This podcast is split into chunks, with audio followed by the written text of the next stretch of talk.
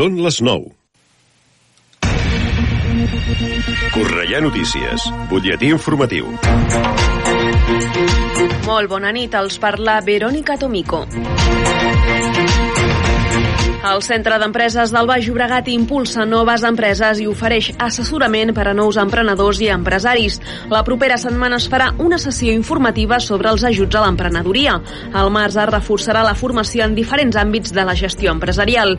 Per a consultar més informació es poden adreçar al web centredempresesprocornellà.cat. El Centre d'Informació per a Treballadors Estrangers de Comissions Obreres al Baix Llobregat ha incrementat en més d'un 10% el nombre d'atencions durant el 2021, en bona part a causa de la pandèmia. Amb les dades obtingudes en aquest servei, el CITE a la comarca alerta sobre la precarietat i la indefensió de les persones treballadores estrangeres. El perfil de la persona atesa continua sent el de la dona llatinoamericana sense autorització administrativa i que treballa de forma irregular en el sector del treball a la llar. L'edifici Pisa de Cornellà és finalista del Premi Mies van der Rohe. Aquest bloc de vivendes socials ha estat triat com un dels cinc finalistes en la categoria general del Premi d'Arquitectura Contemporània de la Unió Europea. A mitjans d'abril s'anunciarà el guanyador amb un acte a Brussel·les. El lliurament del premi es farà, però, aquest mes de maig a Barcelona. I l'Auditori de Cornellà acull la comèdia teatral Una teràpia integral protagonitzada per Abel Folk, Àngels Gunyalón, Roger Coma i Andrea Ros. Serà aquest dissabte dia 20 de febrer. Les entrades per gaudir d'aquest espectacle i de la resta de la programació de la instal·lació cornellanenca ja estan a la venda a través del web auditoricornellà.com. Fins aquí aquest butlletí informatiu. Poden seguir informats de l'actualitat de la nostra ciutat al Cornellà Notícies de la una del migdia, als butlletins horaris i a l'app i la web de Ràdio Cornellà. També trobaran les darreres actualitzacions i notícies al radiocornellà.cat i a les xarxes socials de la ràdio, Twitter, Facebook i Instagram. Ara el temps. Connectem amb l'Agència Estatal de Meteorologia. Bona nit. Demà divendres esperem a Catalunya una jornada amb canvis a les temperatures. Les mínimes baixaran al Ter Sud i a la resta no canviaran gaire o pujaran lleugerament amb gelades febles al Pirineu i amb uns valors mínims de 5 graus a Girona i a Lleida, de 9 a Tarragona i de 10 a Barcelona, mentre que les temperatures diurnes pujaran a l'interior, sobretot al Pirineu, i no canviaran al litoral amb unes màximes de 26 graus a Girona, de 23 a Lleida, de 19 a Barcelona i de 18 a Tarragona. Per la resta esperem un dia de cels poc nuvolats o clars amb un augment dels núvols al Pirineu Occidental on no es descarten precipitacions febles al vessant nord a últimes hores amb la cota de neu que baixarà al final fins a uns 1.000 metres. Per últim el vent serà del sud-oest al litoral amb intervals moderats més forts al litoral nord mentre que a l'interior serà fluix i de direcció variable. Al final del dia quedarà del nord-oest a l'Empordà i al sud de Tarragona i tindrem intervals moderats i forts. És una informació de l'Agència Estatal de Meteorologia. L'informació de Cornellà. Més a prop, impossible. 104.6 T'acompanya Ràdio Cornellà Bon vespre, són les 9 i una setmana més comença Atrapats en la Cultura.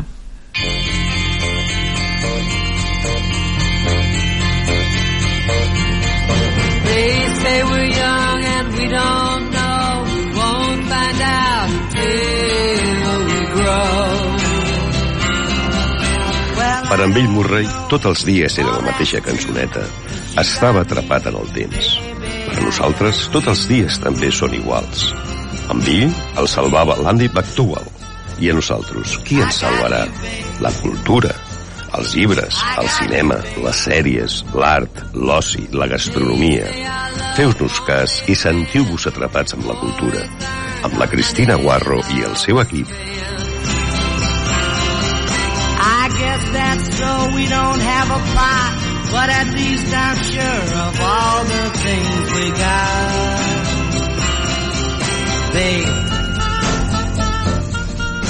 17 de febrer. Ja, benvolguts oients, ens acostem bé, el que dirien l'equador no? del, del mes de febrer, el mes més curt de l'any, Eh, Recordar-vos que la setmana que ve és Carnestoltes i comencen activitats a la nostra ciutat. El que us recomano és que consulteu el web, l'agenda i a xarxes socials, doncs ja sabeu que allà el que, que fer a Cornellà doncs us n'informaran pràcticament minuto i resultado.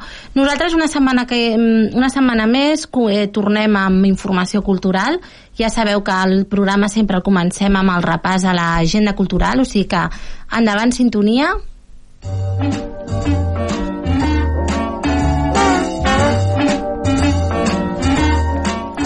Diumenge 20 de febrer a les 7 de la tarda a la sala Ramon Romagosa El pes d'un cos Escrita i dirigida per la Victoria Spunsberg, El pes d'un cos tracta de l'envelliment a la societat actual. És un espectacle que fa reflexionar sobre com la població entén el pas del temps, així com el deteriorament del nostre cos. Laia Marull, Quim Ávila, Carles Pedragosa i Sabina Vit en són els intèrprets. L'obra explica la història d'una filla que ha de cuidar del seu pare, qui després d'un ictus viu un procés de deteriorament que el converteix en una persona dependent. El pare, que havia estat un gran pilar emocional i ideològic per la filla, s'ha convertit en el paradigma de la fragilitat. Només l'arribada d'un àngel, conductor d'una ambulància i zelador, pot treure'ls de l'abisme. La manca de recursos propis i la precarietat que viuen les administracions públiques farà que la situació entri en una mena d'espiral en caiguda lliure. Quin sentit té mantenir en vida el cos d'algú que ha perdut totes les facultats que ens fan humans? Diumenge 20 de febrer a les 7 de la tarda a l'Auditori una teràpia integral, comèdia que posa en qüestió la nostra necessitat de creure en alguna cosa. El retrat d'una societat que presumeix d'haver matat la religió però que té la necessitat obsessiva de tenir fe en alguna cosa que ens ajudi a trobar sentit a les nostres caòtiques vides.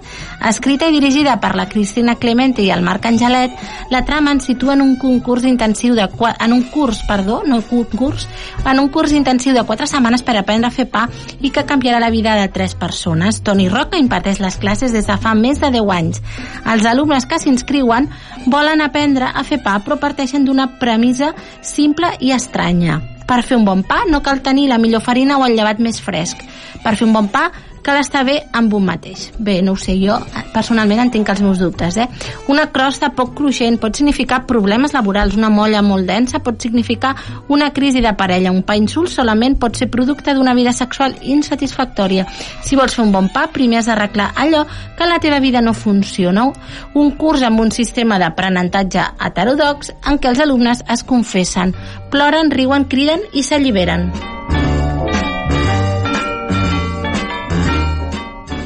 Torna al concurs de teatre amateur Ciutat de Cornellà, enguany la dotzena edició. Diumenge 20 de febrer a les 6 de la tarda a l'Orfeó Catalònia, adreça desconeguda. El quadre escènic Teatre Centre Catòlic de l'Hospitalet adapta adreça desconeguda de Cresman Taylor.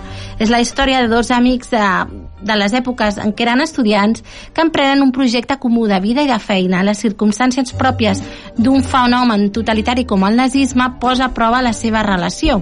Les paraules que s'escriuen relaten una història de vida quotidiana sobre un, com un moviment populista pot penetrar en una societat aparentment madura. I la companyia ens llança la següent pregunta. Va passar fa 90 anys. Està tornant a passar? Si voleu més informació d'aquesta edició de Teatre Amateur Ciutat de Cornellà, us recomano que recupereu el podcast de la setmana passada que vam fer la nostra companya, la, la Montse Orozco, de l'Amunt Amunt al Taló, a la, va entrevistar la companyia Trianga Teatre, la companyia de Cornellà que organitza aquest concurs.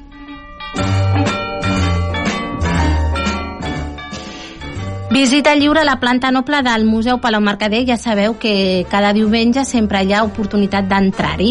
Gaudiu d'algun dels espais a la planta noble al vostre aire. Aquesta visita es fa sense guia, però cal seguir les indicacions del personal de Palau.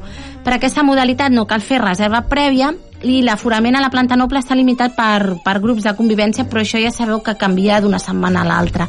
L'últim accés es farà a partir de, les, de la una del migdia. La prioritat d'entrada és per ordre d'arribada i teniu més informació al telèfon 93 474 51 35. Això sí, heu de trucar en horari de dilluns a divendres de 9, de quarts de 10 a 2 del migdia. Estàs escoltant Atrapats amb la Cultura.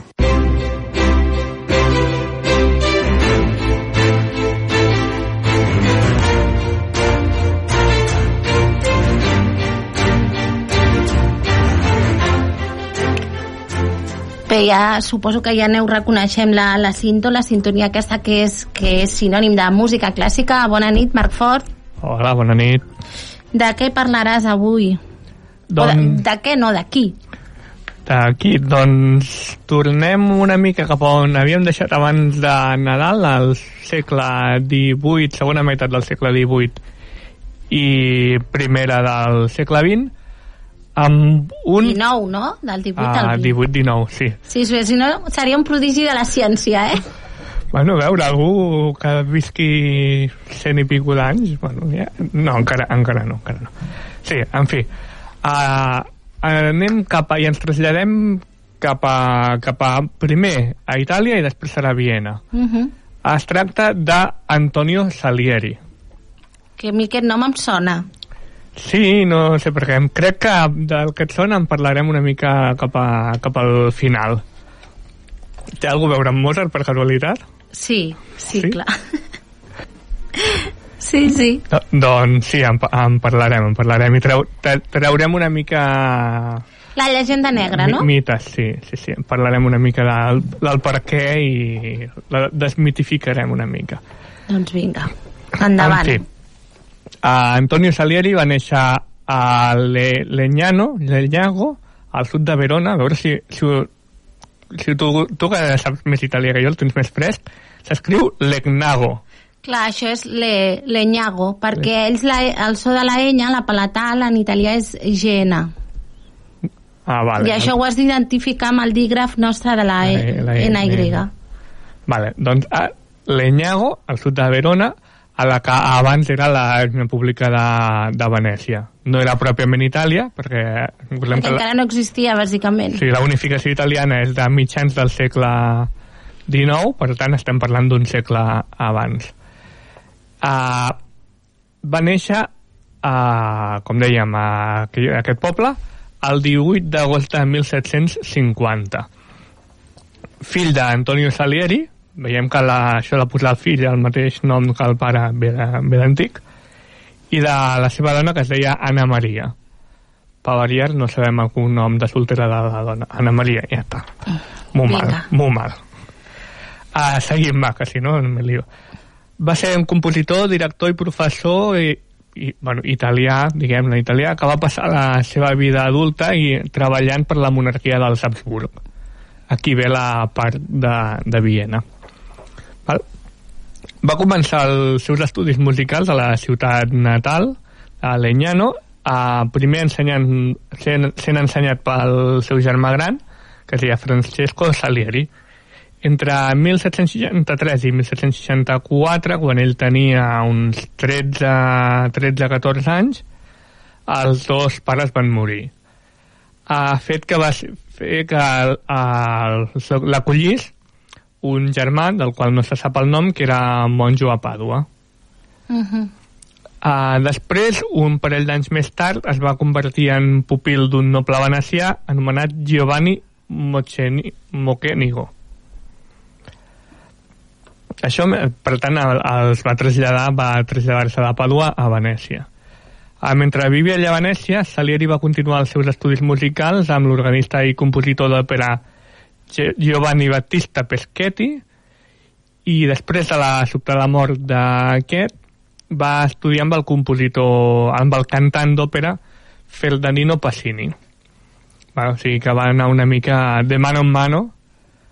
Uh, què més? Després, el, per aquella època ja el, el 1766 va cridar, cridar l'atenció del d'un compositor bastant conegut, Florian Leopold Gassman, a que qui va ser ell qui va portar el, el jove a, a Viena.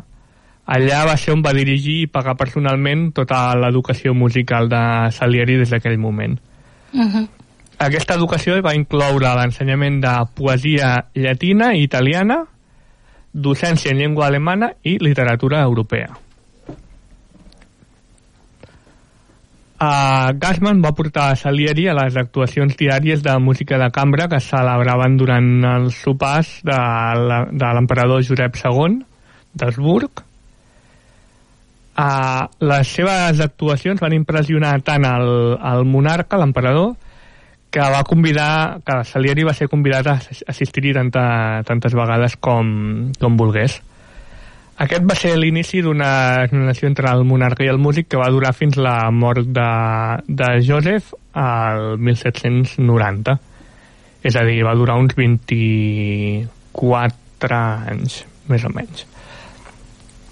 Durant els següents anys, Gluck va, es va convertir en el seu assessor informal, amic i una mica també el, el, el confident, el maestro Yoda, diguéssim. Sí.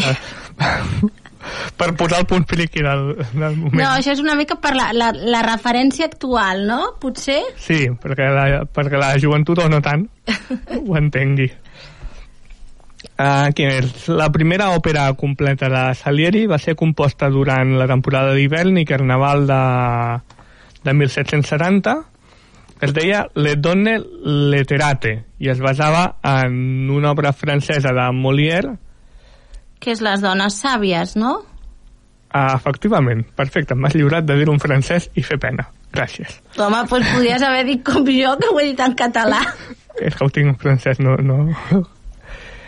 Ah, doncs aquesta, l'obra aquesta de Molière i el llibret, ell va fer la música, el llibret era de Giovanni Gastone Boccherini, Uh -huh. ballarí de, de ballet de la cort i germà del compositor Luigi Boccherini, que crec, o en vam parlar, o està a la llista de possibles. La meva memòria no dona per... La meva no és gaire millor i sí que et dic que el nom em sona. I no crec que em soni perquè jo hagi estat buscant-lo. Vale, doncs haurà de ser... La, qui, qui vulgui saber si n'hem parlat o no, que busqui el podcast i se'l descolti. Uh, què més? El modest èxit d'aquesta òpera va posar en marxa tot el que és la carrera operística de, que va durar 34 anys de Salieri com a composició, compositor de més de 35 drames originals. Oh, Déu-n'hi-do. Uh, posteriorment, Salieri va rebre noves, noves feines per escriure dues òperes, al 1770. Amb dues compten també amb el llibret de Giovanni Boccherini. La primera és una òpera pastoral, L'amore innocent, Amor innocent, que era una comèdia alegre ambientada en la, a les muntanyes austríaques.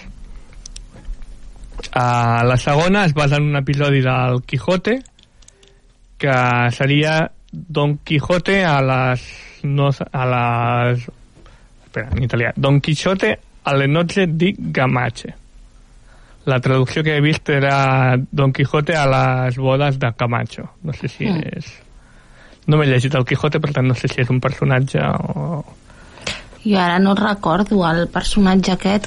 Que, veus que No. abans... Sí. És que el vaig llegir fa molt de temps, el Quijote. Bueno, pues- No, no recordo jo ara el Camacho. Ho, ho buscarem i si no Sí, serà, sí, serà, no. bueno, serà algun personatge potser d'algun altre llibre bueno.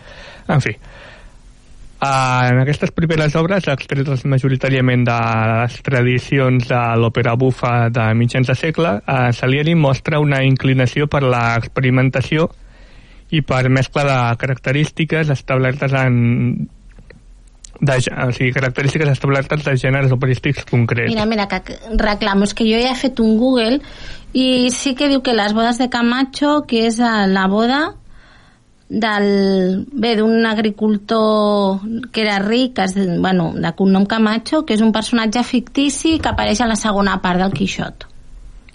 Ah, veus, pues, Doncs mira, si t'has llegit això ja, ja, ja no feia... ho recordava, eh, la veritat, és que clar, el, el Quixot, o sigui, jo ara mateix és un llibre que potser hauria de rellegir. Sí, bueno, diuen que és un d'aquells llibres que s'ha de, de llegir... És una novel·la divertida, eh? Sí, bueno, no sé, potser a poc a poc algun dia, algun dia m'animo, és que em fa, fa una mica de mandra ara que no sent ningú. Va, no, no, no passa res, no passa res. Seguim amb Salieri. Seguim, a veure, a... dir que de l'Amore Innocente, aquesta, els papers femenins principals van ser dissenyats per contrastar i ensaltar les diferents tradicions de l'escriptura operística per soprano, fins i tot agafant algunes prestacions de, de, estilístiques d'òperes serioses. Hem de dir que allò er- eren òperes bufes, eh? Les, o sigui, òpera còmica, les dues aquestes.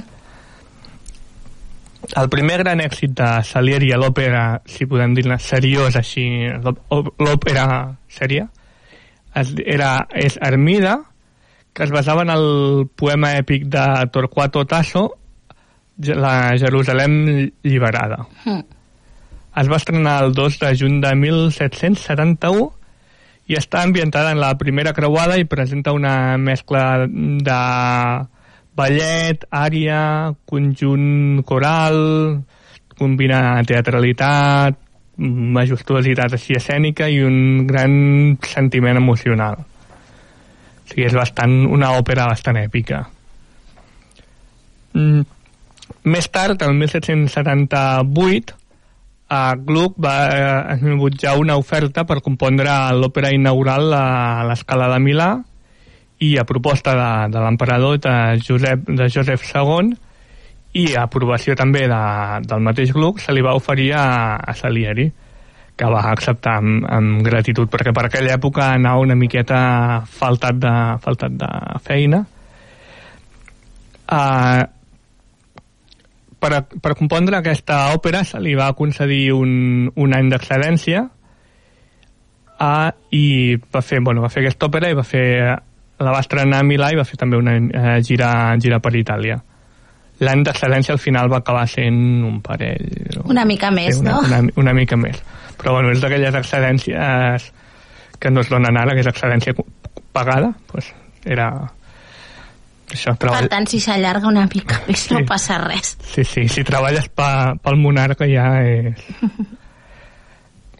Què més? Quan va tornar a Viena, Salieri va tornar a la, a la part més de composició i d'ensenyament.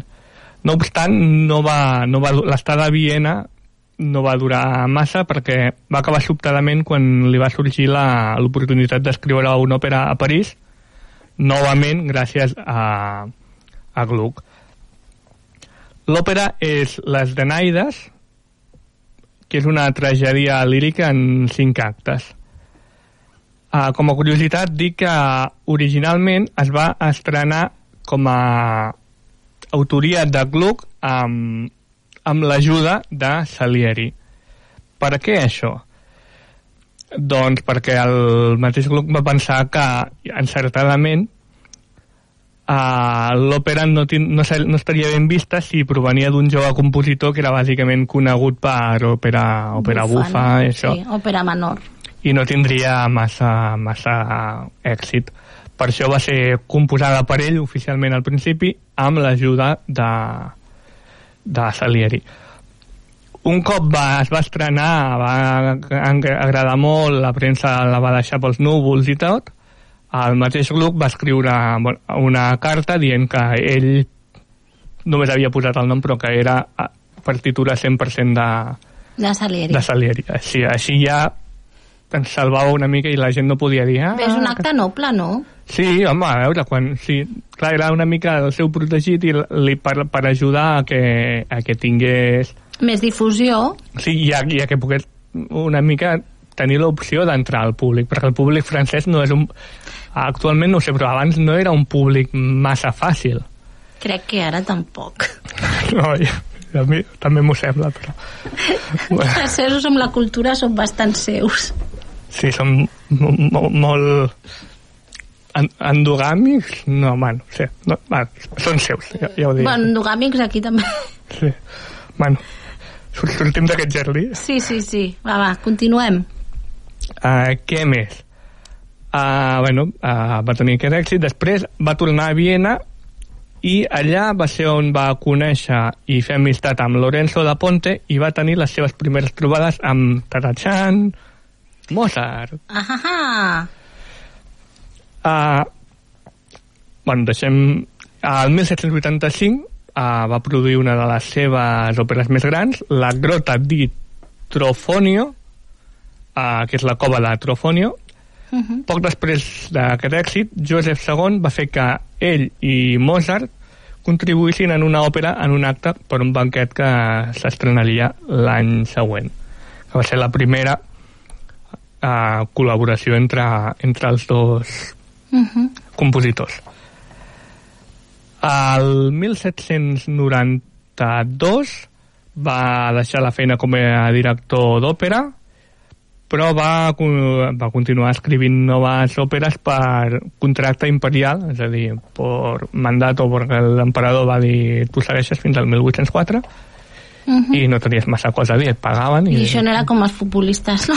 Sí, no, no hi havia l'opció de canvi de contracte d'això. Però bé, el 1804 va deixar ja completament el... Se'n va anar de la cort. Sí. No, no, no, hi va continuar, però va deixar ja el, els escenaris. El, el motiu per, per aquest abandonament o d'aquesta jubilació va dir que els estils artístics havien canviat i que sentia que ja no tenia la capacitat creativa d'adaptació ni les ganes de, de, de continuar. En una mica el que, el que et passa a la gent que ve una generació nova i dius això ja, ja no, està, no està fet per mi. I bueno. Uh, bueno, va, uh, continua ensenyant una mica i dir que entre els seus alumnes hi ha ni més ni menys que els desconeguts Ludwig van Beethoven, Franz Liszt o Franz Schubert. Ni més ni menys. Uh, va morir. Déu-n'hi-do, eh? No ho sabia que havien estat deixebles seus. Sí, sí, sí, jo, jo, no, jo tampoc ho sabia i al buscar el d'això és... Home, eh, dona, dona bona, bona categoria. Sí, sí. Sí, no, és que va ser un, va ser un compositor molt ben, molt ben valorat a, a l'època. El que passa que, bueno, la, hi ha ombres que són molt grans. I que ara ens ajudaràs, no? Ah. Sí, ja? ara- Eh? Acabem amb la seva llegenda negra. Sí, dir que el, el bo de Salieri va morir a Viena el 7 de maig de 1825 als 74 anys. I que en, en el, el servei commemoratiu, o sigui, la missa final, es va interpretar el seu propi i Esniquim en, do, en do menor. Uh -huh. Vale? Anem al, al salseo. Vinga, Uh, a fer safreig. Sí, uh, dic que el, el biògraf Alexander We- Willock Taylor creu que la genialitat es deu a que es podia haver originat l'any 1781 quan el Mozart va sol·licitar ser el professor de música de la princesa Elisabet de Württemberg, Uh -huh. però va ser seleccionat Salieri. I un any més tard també va fer el mateix per professor de cant i també va ser el Salieri el seleccionat. Per tant, aquí pot ser una mica que naixés la, el, el, el pique. Uh, es diu que això, el Salseo diu que va ser Mozart, ai, Salieri qui va envelinar a Mozart, però això no està... No és que per Mo- Mozart que va dir... Era febres d'aquestes tifoidees, no?, que li deien, Sí, em sembla. sí, va ser algun, algun tipus de, de, fe, no, de febre o sí, algun... Sí, tifus, jo crec que era tifus, alguna cosa així. Sí, ara mateix no... Bé, jo suposo que a nosaltres ens ha quedat la, el, a la imatge, no?, la pel·lícula d'Amadeus que va... Ai, del Milos Forman, que recreava aquesta rivalitat. Just, la pel·lícula Amadeus. Sí, i que bueno, en altres uh, bueno, al cine i en altres llocs també s'ha aprofitat molt aquesta a veure, és una rivalitat molt literària donen per molt però que no era tant de fet hi ha, hi ha proves que demostren que també eh, els dos eh, s'ajudaven ja que per exemple, quan Salieri va ser nomenat mestre de capella, el 1778, va optar per, la, per interpretar les noces de Fígaro en lloc d'introduir una, seva, una òpera seva pròpia. Uh -huh. I quan assistint a les festes de coronació de Leopold II el 1790, Salieri eh, portava l'equipatge com a mínim tres misses de Mozart. És a dir, que no, va, no, va, no, era, no hi havia que, aquest pique que, que, que deien. Per contra, també es diu que Mozart va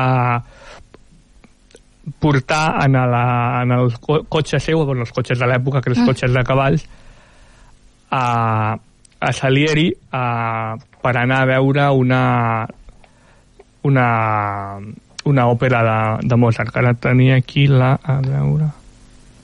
Tenia aquí el... De, he perdut quina... Bueno, a la, van, a, a, van anar junts a l'estrena d'una de, la, de les seves òperes. També els dos van compondre conjuntament una cantata per veu i piano que celebrava la tornada als escenaris de la cantant Nancy Storage després d'una una malaltia. I què més? Uh, hi ha tres, acabem ja amb tres obres que es, es van estrenar uh, de Mozart a proposta de Salieri, que és el David eh, Penitent, el 1785, el seu concert per piano KV 482 del 85 mateix i el quintet amb clarinet de 1789 Ai, la, i mira, la quarta sinfonia també de 1788 es uh -huh. van estrenar a proposta de Salieri. Per tant com a salseo està molt bé el pique aquest però evidentment com a dos compositors grans de l'època hi havia a competència, però no fins al punt... Però no malaltissa, no? No, no fins al punt de que un enverinés a l'altre o que es fessin la traveta o tot això que tant ve ven al cine.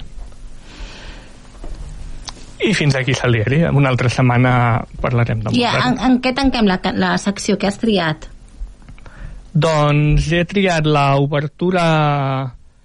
No, l'obertura no, la sinfonia a, a la Fèria de Venècia, el, que seria el Carnaval de Venècia, de 1772, interpretat per la English Chamber Orchestra, dirigida per Richard bon, Bonigne. I, Molt bé. Uh, som-hi, espera que s'ha... Ara.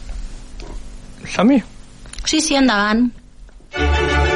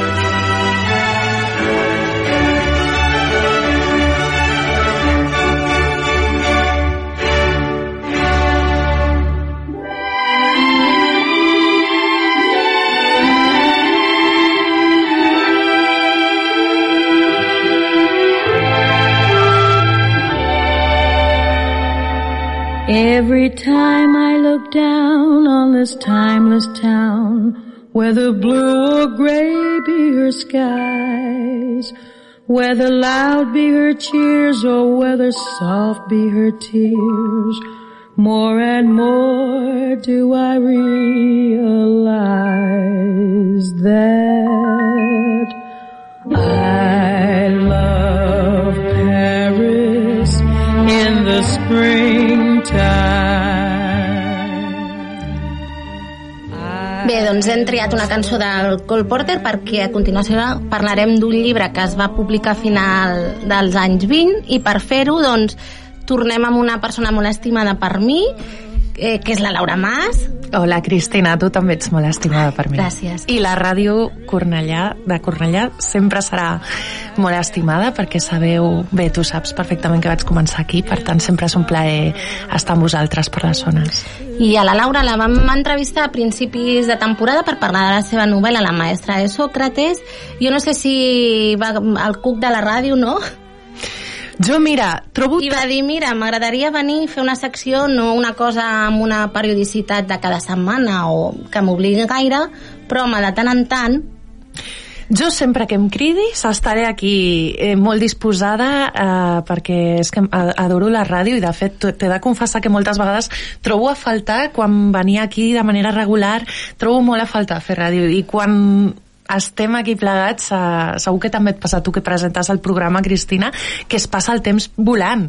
Sí, sí, realment l'hora, a vegades a mi em passa que si estic sola em costa molt d'omplir-la, però si m'acompanya algú més eh, no hi ha cap problema. Uh Mhm. -huh. I parlarem d'una autora que a mi m'agrada molt, a tu també, i és l'Anaïs la, Nin, aquesta autora eh, fascinant, que és de descendència espanyola perquè el pare era català, però Exacte. ella eh, va néixer a Cuba però va viure a París i va viure a Nova York i altres ciutats més uh -huh. Les seves arrels, de fet, eren hispano-cubanes. Sí, sí, sí. I una curiositat de l'Anaïs Nin que la va marcar de per vida va ser que eh, quan ella tenia aproximadament uns 10 anys, el seu pare eh, la va abandonar a ella i a la seva mare. Per tant, ella va començar de molt, molt, molt joveneta escrivint als diaris i una de les coses que perseguien aquests diaris era aquesta temàtica de la de, de la manca del pare, no? de, la, de la pèrdua del pare des de tan joveneta. Al final es va retrobar amb el pare 20 anys després de que ell marxés, però, però va ser clarament eh, un, un fet que la va marcar al llarg de la, tota la seva vida i podem notar-ho molt a la seva literatura. Jo avui tinc el plaer de parlar-vos d'un llibre que ha publicat fa relativament poquet, fa poquets mesos, l'editorial Lumen, que per primera vegada en espanyol s'han recopilat els relats de l'Anaïs Nin en un llibre que té, que té el següent títol, La intemporalitat perdida, com dic, ho publica Lumen en una edició molt acurada i molt maca, i el llibre consta de 16 relats que ella va escriure quan tenia 25 anys. Um, dels 25 als 26 anys el va escriure als, al París, al meravellós París dels anys 20, i va ser poc abans de conèixer el grandíssim novel·lista Henry Miller, amb el qual va tenir una relació molt apassionada al llarg de molts anys, i també he de dir que fins i tot va acabar tenir una afera amb la, amb la dona del Miller, vull dir, ara en parlarem en profunditat, però l'Anaïs Nin, en resum, podríem dir que tant amb la seva literatura com amb la seva vida i els actes que va dur a terme al llarg dels anys que va viure, va ser una dona molt avançada al seu temps.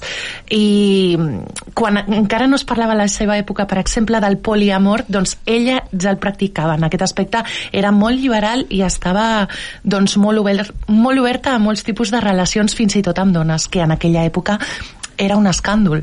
Sí, però jo crec que als anys 20, no? O a principis, sobretot a París, no sé, perquè Colet, que és una mica anterior, mm. unes dècades anteriors, obertament també havia mantingut relacions amb dones. Però ella se li va criticar moltíssim, perquè, per exemple, ella, quan va començar la relació amb el Henry Miller, era una dona casada.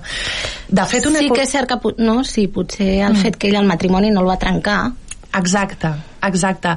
I va tenir al llarg de la seva vida relacions paral·leles amb altres homes i, com dic, també amb algunes dones.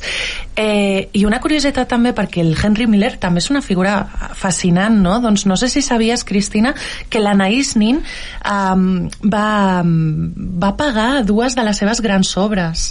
Uh, Trópico de Càncer i Trópico de Capricornio. Doncs Sí, aquestes... les va finançar ella? La, Això no ho sabia. gràcies al seu marit que, Ah, tenia, que era banquer. que tenia possibilitats doncs gràcies a això el Miller va poder publicar aquestes dues novel·les a mi m'ha resultat no, molt curiós No sabia. Sí, sí, perquè ells a banda de la relació com a, com a amants, o sigui, van ser després mm, molt amics. Vull dir, ja havia acabat la relació amorosa i van continuar la seva amistat. Sí, es van dirigir moltes missives, van tenir una relació molt epistolar després d'aquests anys intens, intensos d'amor i és d'aquestes relacions maques perquè efectivament eh, mai van perdre l'estima i l'afecte mutu.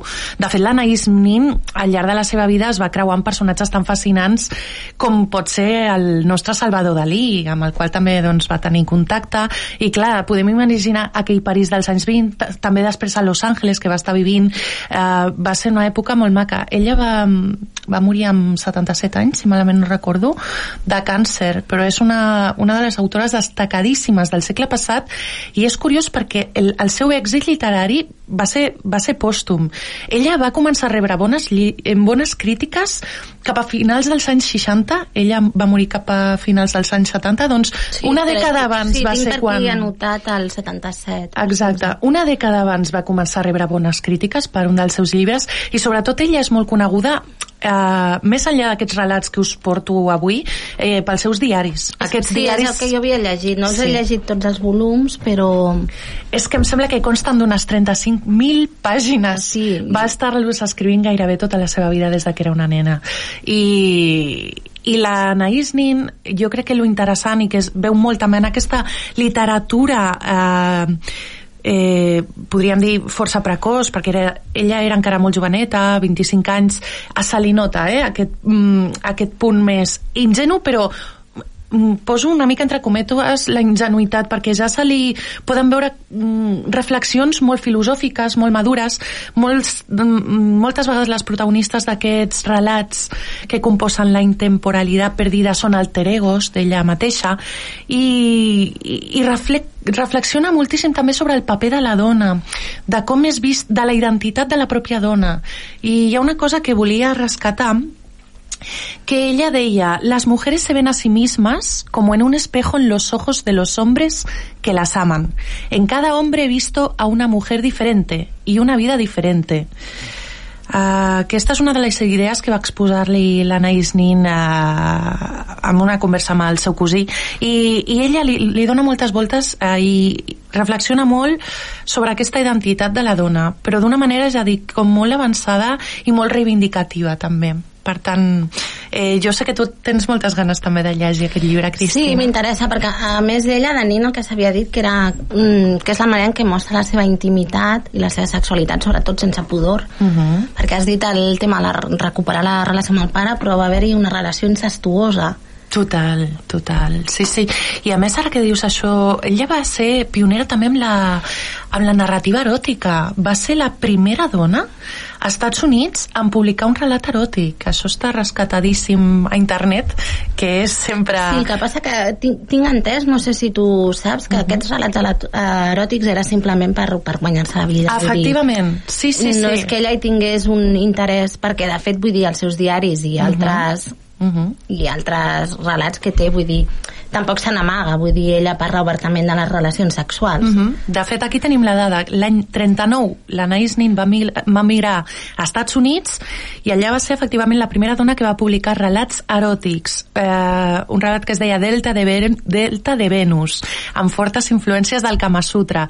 I és veritat que tenia aquesta necessitat desesperada d'aconseguir diners i just, juntament amb el Miller eh, a la dècada dels 40 va escriure narrativa eròtica i fins i tot pornogràfica eh, per un col·leccionista anònim, atenció, eh, i cobraven un dòlar per pàgina. Dòlar Eh, per pàgina. Dòlar per pàgina, com ho veus, Home. això? Que, que, que hem de fer el canvi, no sé, el Marc diu que déu nhi que ell ja firmava, no? Ah. Sí, sí. Sí, sí, sí, sí. Eh, però bé, la... jo, jo segueixo pensant, ara es, es parla una mica més de l'Anaïs Nin, no? però no sé si estaràs d'acord amb mi, que sempre ha estat com una, fins i tot a dia d'avui, com una autora molt marginal i encara força desconeguda per molta gent. No ho sé, això venia també a compte una mica del que t'explicava que per, per introduir la, la teva secció no tenia clar com fer-ho. Jo per aquest programa eh, tenia la idea, el que passa que han anat quedant allà raconats perquè com últimament no sé què em passa, que mm, omplo l'hora vull dir, em sobren minuts i aleshores va, vaig acumulant allà possibles seccions i jo el que volia era recuperar autores Uh -huh. i després sobretot també una, amic, una altra de les idees era com donar una segona oportunitat perquè a vegades el que diem també eh, es, es publica tant que hi ha molta, molta cosa que, que, que, és que es perd i que no que potser després no es llegeix tant com, com mereixeria ser llegida i en aquest tema de també ficar autors clàssics no? Autors que, que, mal, que, val, que, ui, perdoneu, que val la pena tornar a llegir Mm -hmm. i hi havia també una mica l'Anaïs Nin jo no sabia com col·locar-la si com a clàssica com a dona autora perquè sí, tenia aquest punt que no sé ben bé si és que va ser com una autora mm, que encara no és prou coneguda però que realment hi ha molta edició de la seva obra, com a mínim en castellà. En català sí que no ho sé, però en castellà se l'ha publicat bastant. Sí, però resulta curiós que una cosa com els seus relats, aquests, aquests gairebé primers relats no, de la seva carrera literària, no s'havien publicat fins ara en castellà. O sigui que encara queda una sí, tasca... no, no, no, és, un, és una dada que crida l'atenció. Crida l'atenció. A mi, particularment, l'editorial Lumen m'agrada força, tenen, fan molt bona tasca, i que rescatin autores com l'Anaïs Nin, doncs sí que eh, crec que pot estar bé perquè fins i tot a mi mateixa m'ha descobert una, una vessant seva que, que, que desconeixia gairebé per complet, no? Aquests primers relats, ja et dic que, mm, que, que, que deixen entreveure moltes coses. Mm, aquests pensaments seus que fins i tot van evolucionant des del primer fins a l'últim relat. També veiem a una Anaïs Nin que va canviant de parer o, o, o, o de pensaments no? cap a la pròpia vida, l'existència i aquesta identitat de les dones.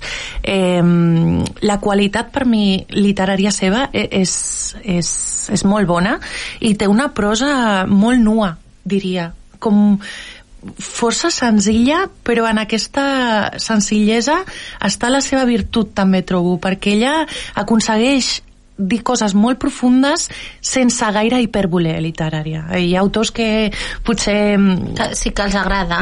Ballen més amb les paraules, no? utilitzant molts adjectius sobre adjectivació, i a ella penso que no li cal. Ella és, és força escueta, moltes vegades empra frases molt curtes, però t'embolcalla amb el seu món interior. A mi m'ha endinsat de seguida aquest llibre. Repeteixo pels nostres oients la intemporalitat perdida de l'Anaïs Nin.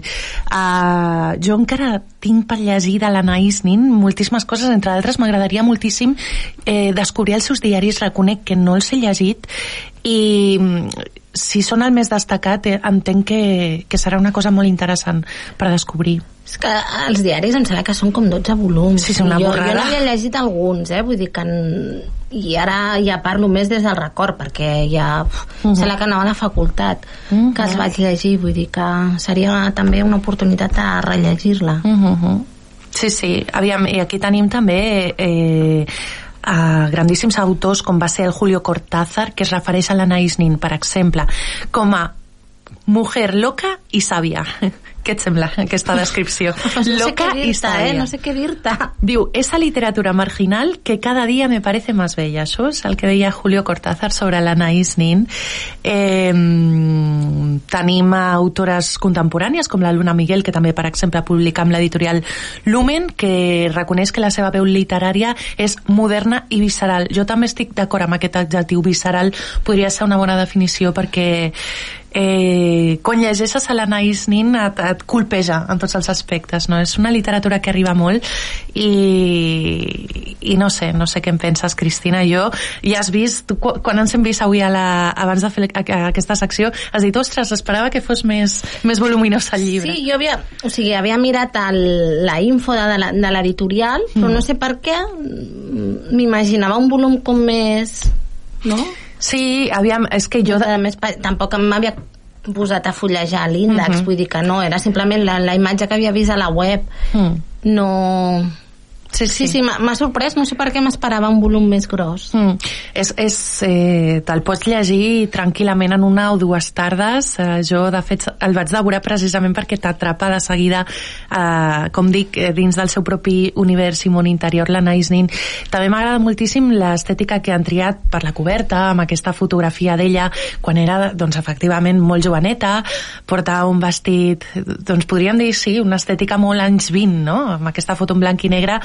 Mm, jo no sé si sabies, Cristina, que abans de publicar la meva primera novel·la vaig tenir un intent i vaig fer una primera novel·la que jo crec que sempre quedarà al calaix que precisament s'ambientava al país dels, al París dels anys 20 perquè és una de les meves èpoques preferides. M'hagués encantat eh, viure aquells moments. Ah, però, vull dir, ai, perdoneu, mm. que, que mai se sap, eh, que la novel·la pot, pot ser rescatada. No, al no crec, no crec. Tu has vist la pel·lícula Midnight in Paris? Sí, Woody te l'anava a Clar. esmentar, clar. És que és, és que és totalment el que dius. És eh, l'escriptor que, que anela, no?, viure aquella època. una fantasia, no?, quan es retroba amb aquells personatges, eh, increïble.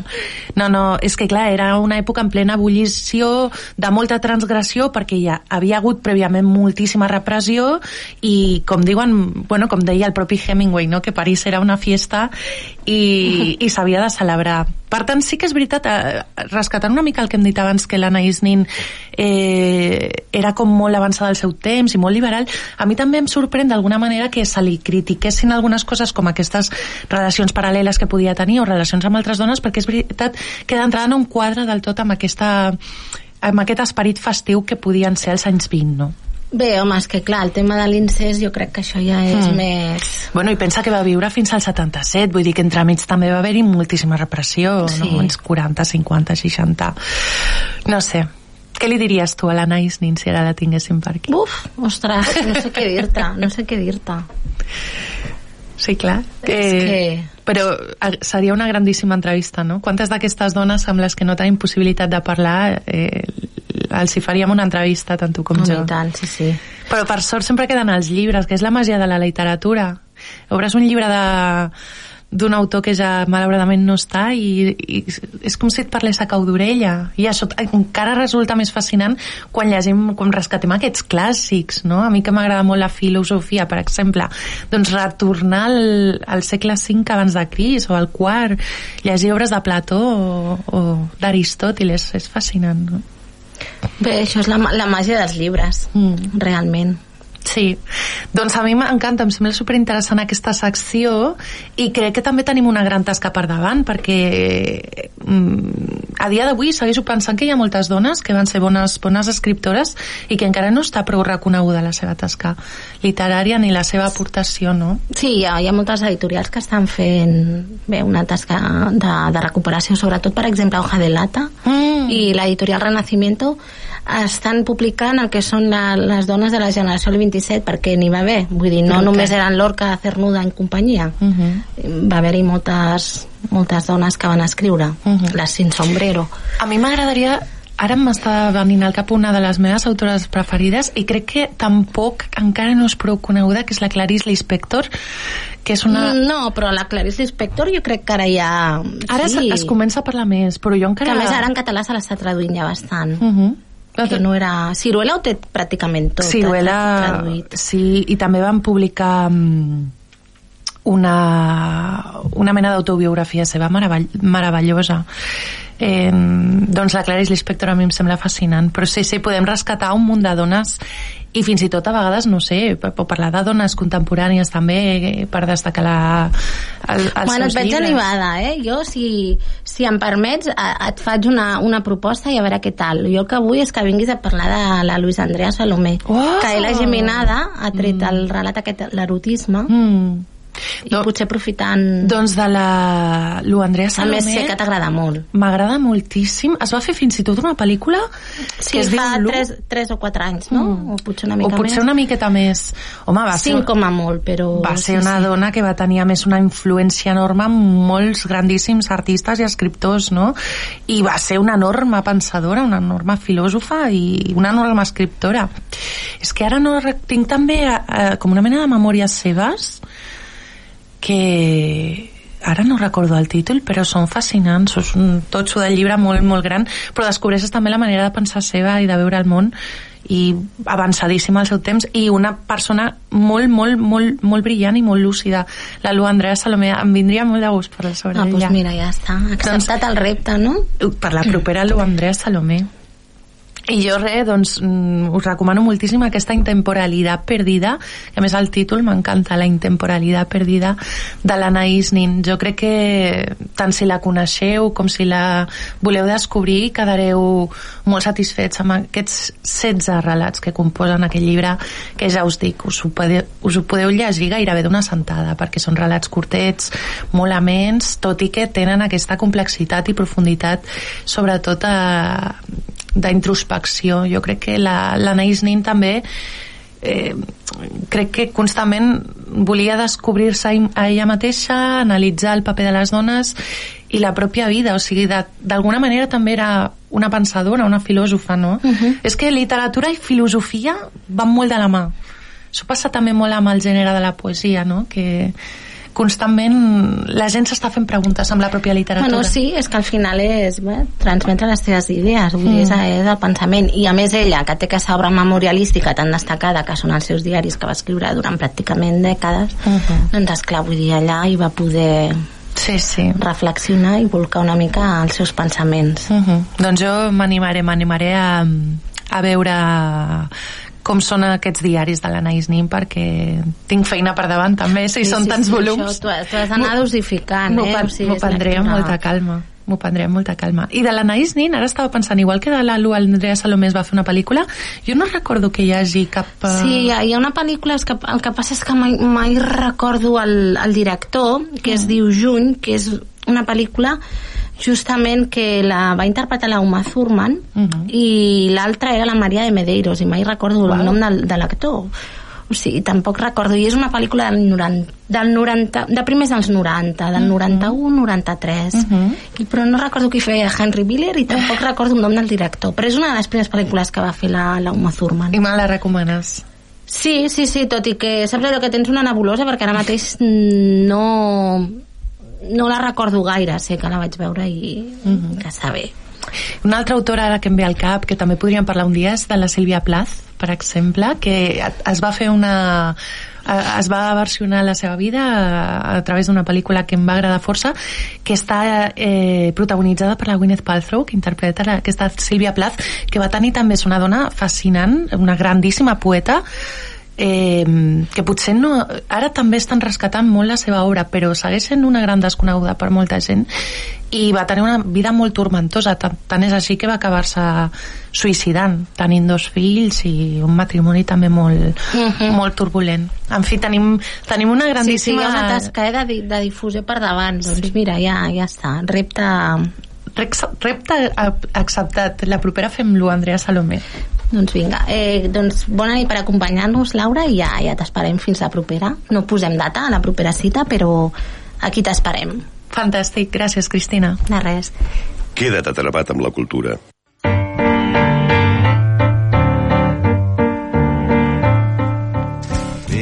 Doncs sona Palo Conte i això ja sabeu que significa que nosaltres ens anem ja, una setmana més. Tornarem la setmana que ve, a veure, queda fer com sempre els càlculs. 24 de febrer, o sigui, últim programa del mes de febrer, aquest mes s'acaba, s'acaba ja. Bona nit, Marc Bona nit. I una abraçada a tots els nostres oients. Tornem la setmana que ve. A reveure. It's wonderful. Good luck, my baby. It's wonderful. It's wonderful.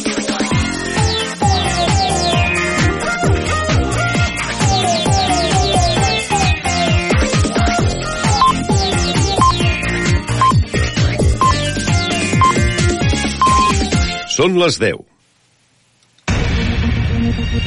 Correia Notícies, butlletí informatiu.